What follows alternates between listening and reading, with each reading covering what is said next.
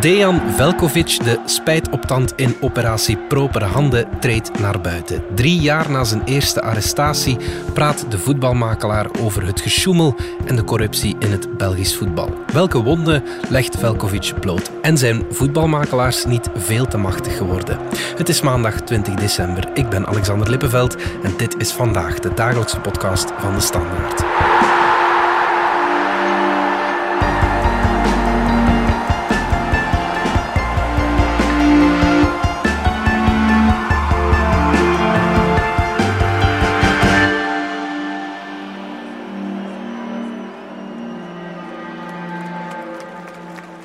Mark Eekhout van onze binnenlandredactie en Bart Laga, sportjournalist.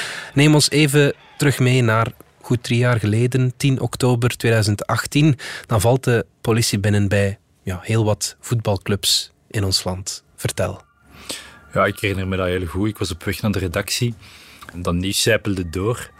En op een bepaald moment waren wij aan een van onze collega's uh, contacteren, mhm. die dus onbereikbaar was achteraf bleek dat hij ook een van de mensen was, heel breed, die die dag zijn opgepakt voor verhoor.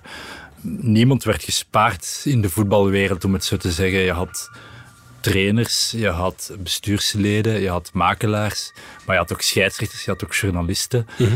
Ja, en al die mensen kwamen dan allemaal samen. Blijkbaar herkenden die dan elkaar plots in, in die voorkamer. Niemand wist wat er aan de hand was. Mhm. Ja, het was waarschijnlijk de grootste schokgolf die het Belgisch voetbal op dat niveau ooit heeft gezien uh, in de geschiedenis. Ja, ja, ja. Het werd eigenlijk al, al snel duidelijk dat de Speurders het netwerk viseerden of de contacten viseerden van twee bekende makelaars uit het Belgisch voetbal. Mhm. En dat waren dus Dejan Velkovic, die ondertussen iedereen heel goed heeft leren kennen, en uh, Moji Bayat. Mhm. Al de mensen die die dag zijn opgepakt, hadden op een of andere manier zakelijke contacten met die twee. Ja, oké. Dejan Velkovic, dat is een man waar het uh, vandaag om gaat. Wie is hij juist? Dejan Velkovic uh, was op dat moment een heel bekende naam in het voetbalmilieu. Mhm. Minder denk ik voor de buitenwereld. Mhm. Omdat ja, mensen zien de voetballers zien trainers, bestuursleden, maar veel minder wat er op de achterkamers gebeurt. Mhm. Maar laten we zeggen, in die achterkamers was hij een van de leidende spelersmakelaars. En heel goed zat in een heel aantal clubs. Lokeren, KV Mechelen, maar eerder ook nog Lierse en uh, later ook de, de topclubs. Genk, Anderlecht, ja. Club Brugge, waar hij allemaal uh, zaken mee deed. Ja. Waar was het gerecht naar op zoek? Wel, het, het onderzoek was eigenlijk begonnen na eigenlijk hardnekkige geruchten die eigenlijk al jarenlang uh, de ronde deden, dat er iets niet kosher was met de transfers die Bayat deed en met de transfers die Velkovic deed. Hè. Dat, mm -hmm. met name dat er veel zwart geld zou mee gemoeid zijn en dat er uh, zwart geld vloeide naar spelers, trainers. Daarom zijn ze op die twee makelaars beginnen werken. Hun telefoon is onder tap uh, gezet. En uh, tijdens die telefoontap zijn echt heel veel dingen uh, aan het licht gekomen. Want Moji Bayat was wel zeer voorzichtig aan de telefoon, maar Dejan Velkovic was dat veel minder. Mm -hmm. hè. Die praatte honderd over zijn transacties. En eigenlijk tijdens dat onderzoek naar zwart geld ja, is ook nog eens gebleken dat uh, midden in de degradatiestrijd van het seizoen 2017-2018, mm -hmm. dat Dejan Velkovic ook mee had gewerkt aan een poging tot matchfixing. De speuters vonden toen aanwijzingen dat uh, Velkovic in opdracht van het bestuur van KV Mechelen had geprobeerd uh, Mechelen in eerste klasse te houden mm. uh, door de tegenstander van de laatste speeldag, dat was toen Waasland Beveren, mm. uh, om te kopen en, en te proberen uh, ja, Beveren ervan te overtuigen van, van niet voluit te gaan. Ja. Nadat hij opgepakt was, werd Velkovic de eerste spijtoptand in de Belgische geschiedenis. Wat had hij daarmee te winnen, Mark?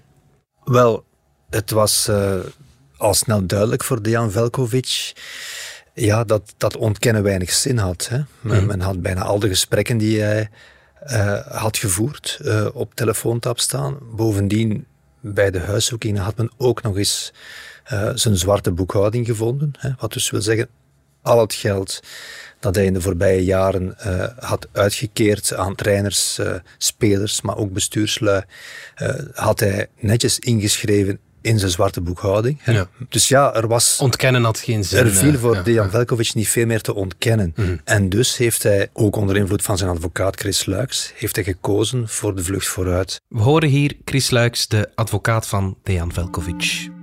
Ehm, meneer Velkovic heeft aan mij gezegd: Ik heb de vaste wil om er mee voor te zorgen dat er in het Belgische voetbalwereldje fundamenteel iets zou veranderen.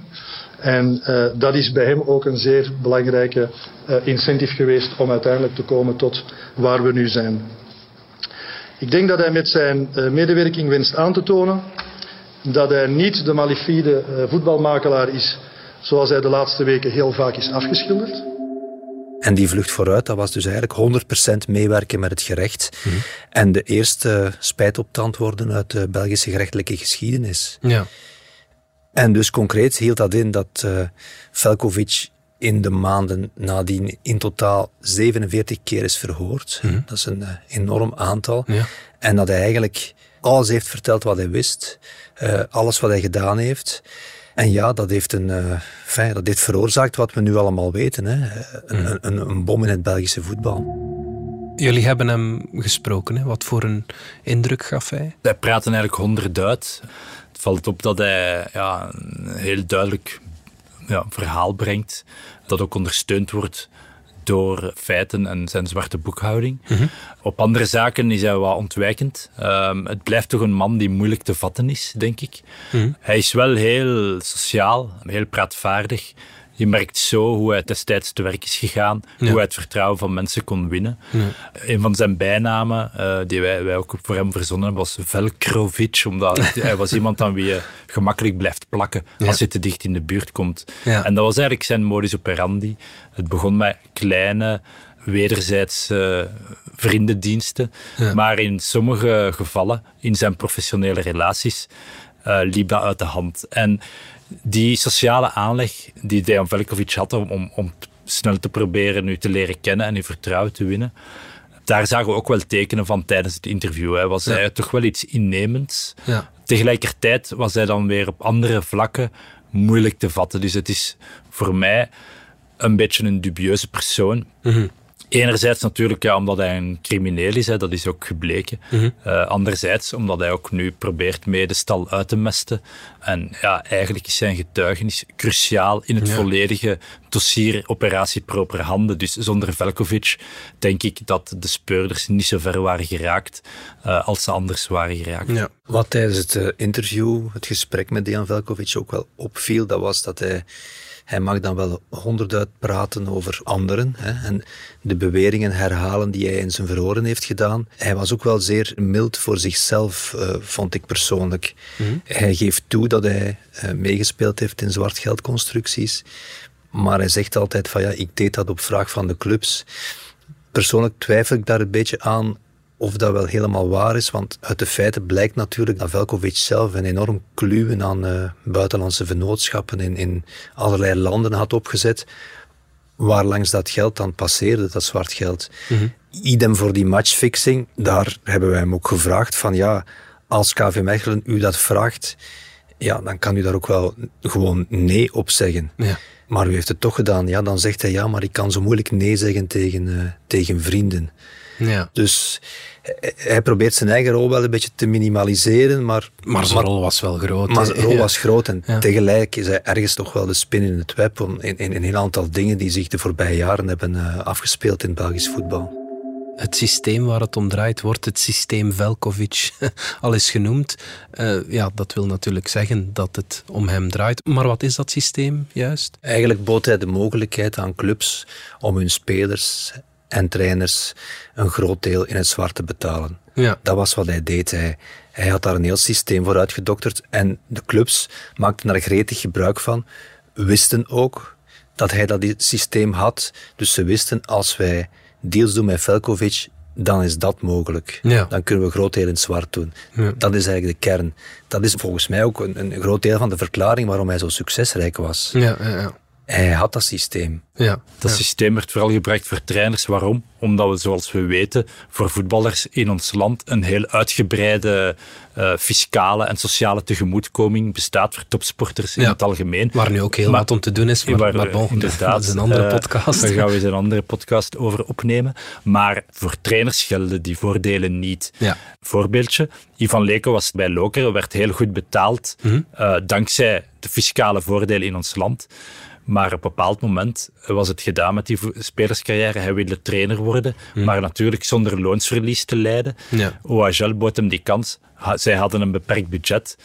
Oplossing was om ja, Ivan Leko als trainer dan voor een groot deel in het zwart te betalen. Ja. En liet Ivan Leko natuurlijk, close vriend met uh, Dejan Velkovic, het systeem was ter beschikking. Uh, Dejan Velkovic zegt van ja, ik speel alleen maar als een soort zwarte bankier voor die clubs. Ik deed het eigenlijk niet graag. Ja. Uh, ja, wij hebben toch wel aanwijzingen dat hij bijvoorbeeld in deze zaak, maar ook in vele andere, wel degelijk degene was die met het idee op de proppen kwam. Ja, ja, ja. En wat hij ook deed uh, daarnaast, dat was dan uit, uit dankbaarheid voor al de deals die hij kon doen. Dat was dan de mensen met wie hij onderhandelde, hè, de, de managers van de clubs bijvoorbeeld, zoals Herman van Holsbeek. Die van gaven Anderlecht, dan, ja. Van Anderlecht, die gaven dan ook nog cadeautjes. Hè. Ja. Dat konden dan Rolex-horloges zijn, dat kon ook cashgeld zijn, Hmm. uh, whatever. Hè. Zoals Bart daar straks zei, hij speelde Sinterklaas. Ja. Hè. Dat is hallucinant eigenlijk. Hè? Ja, dat is hallucinant en dat is ook uh, in mijn ogen dat is bijzonder cynisch als je kijkt Ja. naar de discussie die nu gevoerd wordt over um, de clubs die, die hun RSZ en belastingsvoordelen zouden verliezen, die zich daar dan met hand en tand tegen verzetten, die daar ook voor lobbyen. Maar dan kan je natuurlijk lezen en horen van Dejan Velkovic hoe het er echt en in realiteit in de keuken van de grote voetbalclubs aan toe gaat. Hmm. En dan is dat toch wel bijzonder cynisch, ja. Ja, als je hen hoort pleiten voor belastingsvoordelen. Ja, ja, ja. Hoe moeten we nu naar die Velkovic kijken? Hè? Enerzijds is hij natuurlijk de man die het gerecht helpt. Anderzijds blijft hij wel iemand die ja, ook heel rijk is geworden, waarschijnlijk met, uh, met, met zijn fiscale fraude. Uh, spreekt hij de waarheid? Heeft hij zich echt bekeerd? Maar in elk geval, Velkovic heeft een deal gesloten met het gerecht. Ja.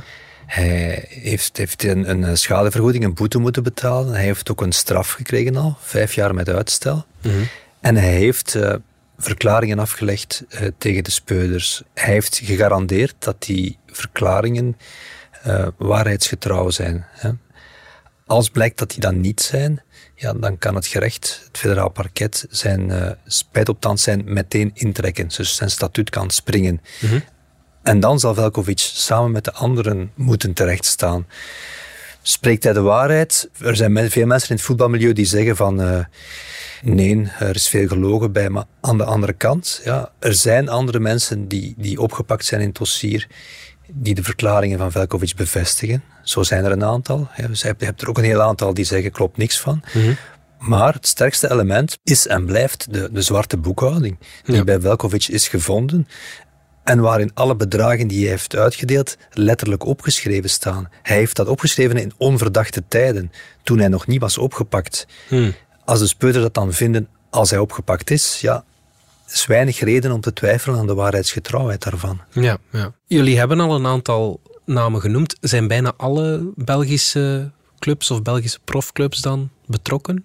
De meerderheid in eerste klasse. En als je naar de grote vijf, de traditionele grote vijf kijkt, mm -hmm. waar Antwerpen niet wordt meegerekend omdat zij tot de nieuwe rijken wordt, uh, behoort, ja. dan heb je Anderlecht, Club Brugge, Racing Genk en Standaard. Ja. Agent is de enige die uh, niet in het dossier uh, voorkomt. Mm -hmm. Maar dat kan natuurlijk mee te maken hebben dat Michel Louagie eigenlijk vooral met de Bayat, van, uh, de manager van manager, Agent, ja. vooral met uh, Moji Bayat, die andere makelaar die in op sprake is gekomen zaken deed. Ja. Maar goed, we gaan zien wat dat onderzoek nog oplevert. Mm. Uh, dat zit natuurlijk niet vervat in die biecht van Dejan Velkovic. Nee, nee, nee, tuurlijk, ja. Oké. Okay. Maar toont dit hele verhaal niet dat die makelaars als Velkovic, Bayat ook, dat die veel te machtig zijn in ons voetbal? Ja, de macht van de makelaars uh, is toegenomen Eerst na het arrest Bosman in 1995, waarbij dat het eigenlijk uh, de, de, transfermarkt echt ontploft is. Clubs zochten naar een nieuwe manier om geld te verdienen. en vroeger was een speler voor het leven bijna aan een club gebonden. Ja. En nu was er, en is er een hele markt ontstaan om spelers te verhandelen. In die handel hebben makelaars zich een steeds belangrijkere plaats toegeëigend. En dat is niet alleen in België zo, dat is in, in de volledige voetbalwereld het geval. Ja. Men heeft dan geprobeerd dat beroep te regulariseren. Dat is niet altijd gelukt, omdat voetbal een product is dat heel moeilijk, niet echt heel tastbaar is. Hè. Wat wil jij betalen voor de waarde van een bepaalde speler? Daar kunnen enorme verschillen op zitten. Ja. En dat is een klimaat waarin makelaars of tussenpersonen altijd heel goed zullen gedijen en dat zal altijd zo zijn. Waar je natuurlijk wel iets aan kan proberen te doen, zijn de misbruiken. En daar zien we dat in België, dat die eigenlijk heel lang gewoon in gang zijn kunnen gaan zonder controles door de voetbalbond op de licenties, door de belastingen, door allerlei diensten. Op een bepaald moment is men dat wel beginnen doen. Ja. En ja, die controles liggen ook wel mee aan de basis van, van dit onderzoek.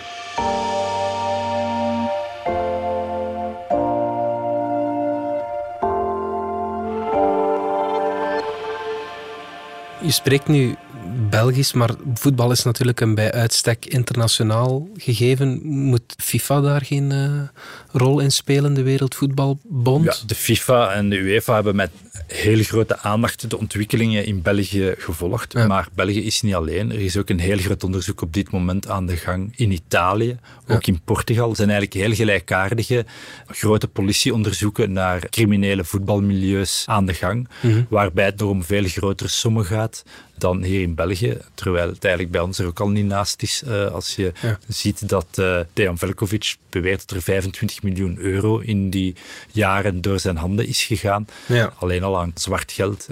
Eh, waarvan het meeste cash is eigenlijk al waanzinnig. Trouwens, ik wil er even aan herinneren, we hebben in de Standaard niet zo lang geleden een eh, reeks gebracht onder de titel Football Leaks. Ja. Hè, met een heel aantal andere Europese media. Het is nog niet zo lang geleden eh, dat, dat we heel de discussie hebben gehad hier in België over eh, Excelsior Moeskroen. Hè. Mhm. Dat is een club die jarenlang in handen is geweest van, van buitenlandse makelaars. Hè. Eh, Pini Zahavi en Fali Ramadani, om ze met naam te noemen. Die gebruikten eh Moes Kroen als een vehikel om hun spelers te plaatsen. Ja, en uiteindelijk is dat dan in mijn ogen ook geen echte voetbalclub meer, die binding heeft met supporters, maar is dat eigenlijk alleen maar een, ja, een, een vehikel dat gebruikt wordt door makelaars om, om, om spelers eh, door te sluizen, om hun waarde op te drijven en, en terug door te verkopen. Een witwasmachine. Een Dus wit- Groen is eigenlijk al die jaren een, een witwasmachine geweest in handen van internationale makelaars. Dejan Velkovic maal 10, eh, laten we zeggen, op internationaal niveau. Waarvoor Dejan Velkovic dan eigenlijk maar een kleine garnaal was. Jullie noemden hem al de spin in het web. Ja, hij had relaties met clubs, met trainers, met spelers, maar ook met scheidsrechters. Hè? De mensen van wie we zouden verwachten dat zij het spelletje proper eh, spelen. Ja, dat klopt. Nu, Velkovic geeft daar zelf eh, in mijn ogen geen duidelijk antwoord eh, op waarom hij die toenadering zocht. Hè. Hij houdt zich tegenover ons bij het verhaaltje van ja, ik, ik ben geïnteresseerd in dat aspect van het spel. Hè, mijn, vader was ooit scheidsrechter. Ik ken veel scheidsrechters in Servië. En daarom ben ik ook eh, geïnteresseerd in het scheidsrechter zijn. En hij zegt dat hij eigenlijk daarom eh, contact heeft gezocht met zowel ehm Sebastian Delferrière en eh, Bart Vertenten. Nu ja, wat de speurders aannemen en, en, en wij ook, dat is natuurlijk dat, dat Velkovic eerder contact zocht met die scheidsrechters omdat hij hoopte via hen iets te bekomen. En eigenlijk blijkt dat ook uit het gerechtelijk onderzoek. Denken jullie dat het mogelijk is dat er clubs gaan moeten degraderen, bijvoorbeeld in dit hele verhaal, of toch op zijn minst gestraft worden? Elke club in eerste klasse moet een licentie hebben om in de Jupiler Pro League te spelen.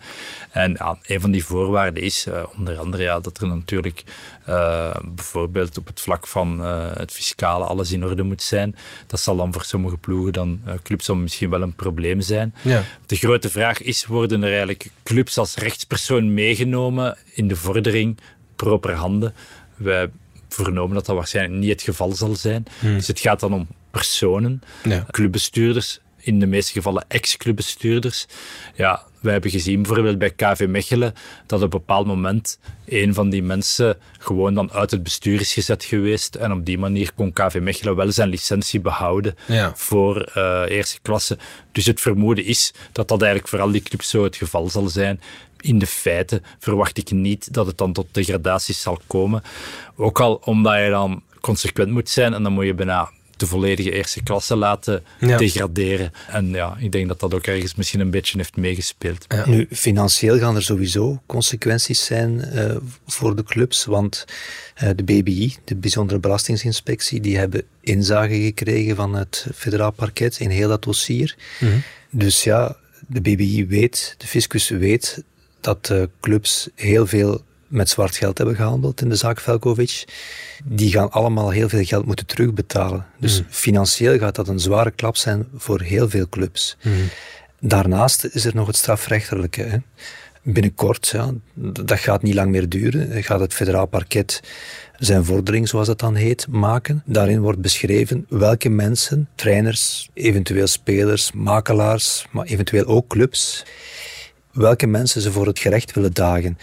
We hebben vernomen dat dat er minstens een vijftigtal zijn uit die voetbalwereld. Ja, dat is niet niks. Hè. Dus die 50 gaan zich dan uiteindelijk ooit allicht moeten verantwoorden voor een rechtbank. Mm. Op beschuldiging van witwassen, criminele organisatie. En uh, sommigen ook corruptie. Ja. Dus ja, je kan niet zeggen dat dat zomaar een klein golfje is in een hele oceaan. Mm. Nee, dat is echt wel een schok in het Belgisch voetbal. En veel clubs gaan daarvan afzien.